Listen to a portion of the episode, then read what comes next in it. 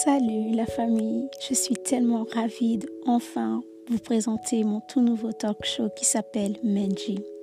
Menji signifie penser dans ma langue maternelle qui est le Chuluba. Avec Menji, on va apprendre à écouter, comprendre et exprimer nos pensées. Chaque pensée servira comme prétexte pour discuter sur des sujets qui nous concernent. Menji donnera la parole à des personnes qui m'inspirent au quotidien que j'admire ou des personnes qui me poussent enfin d'engager des conversations enrichissantes pour alimenter nos réflexions. Le but en étant de se cultiver, se divertir et de s'inspirer. Merci, je vous dis à bientôt.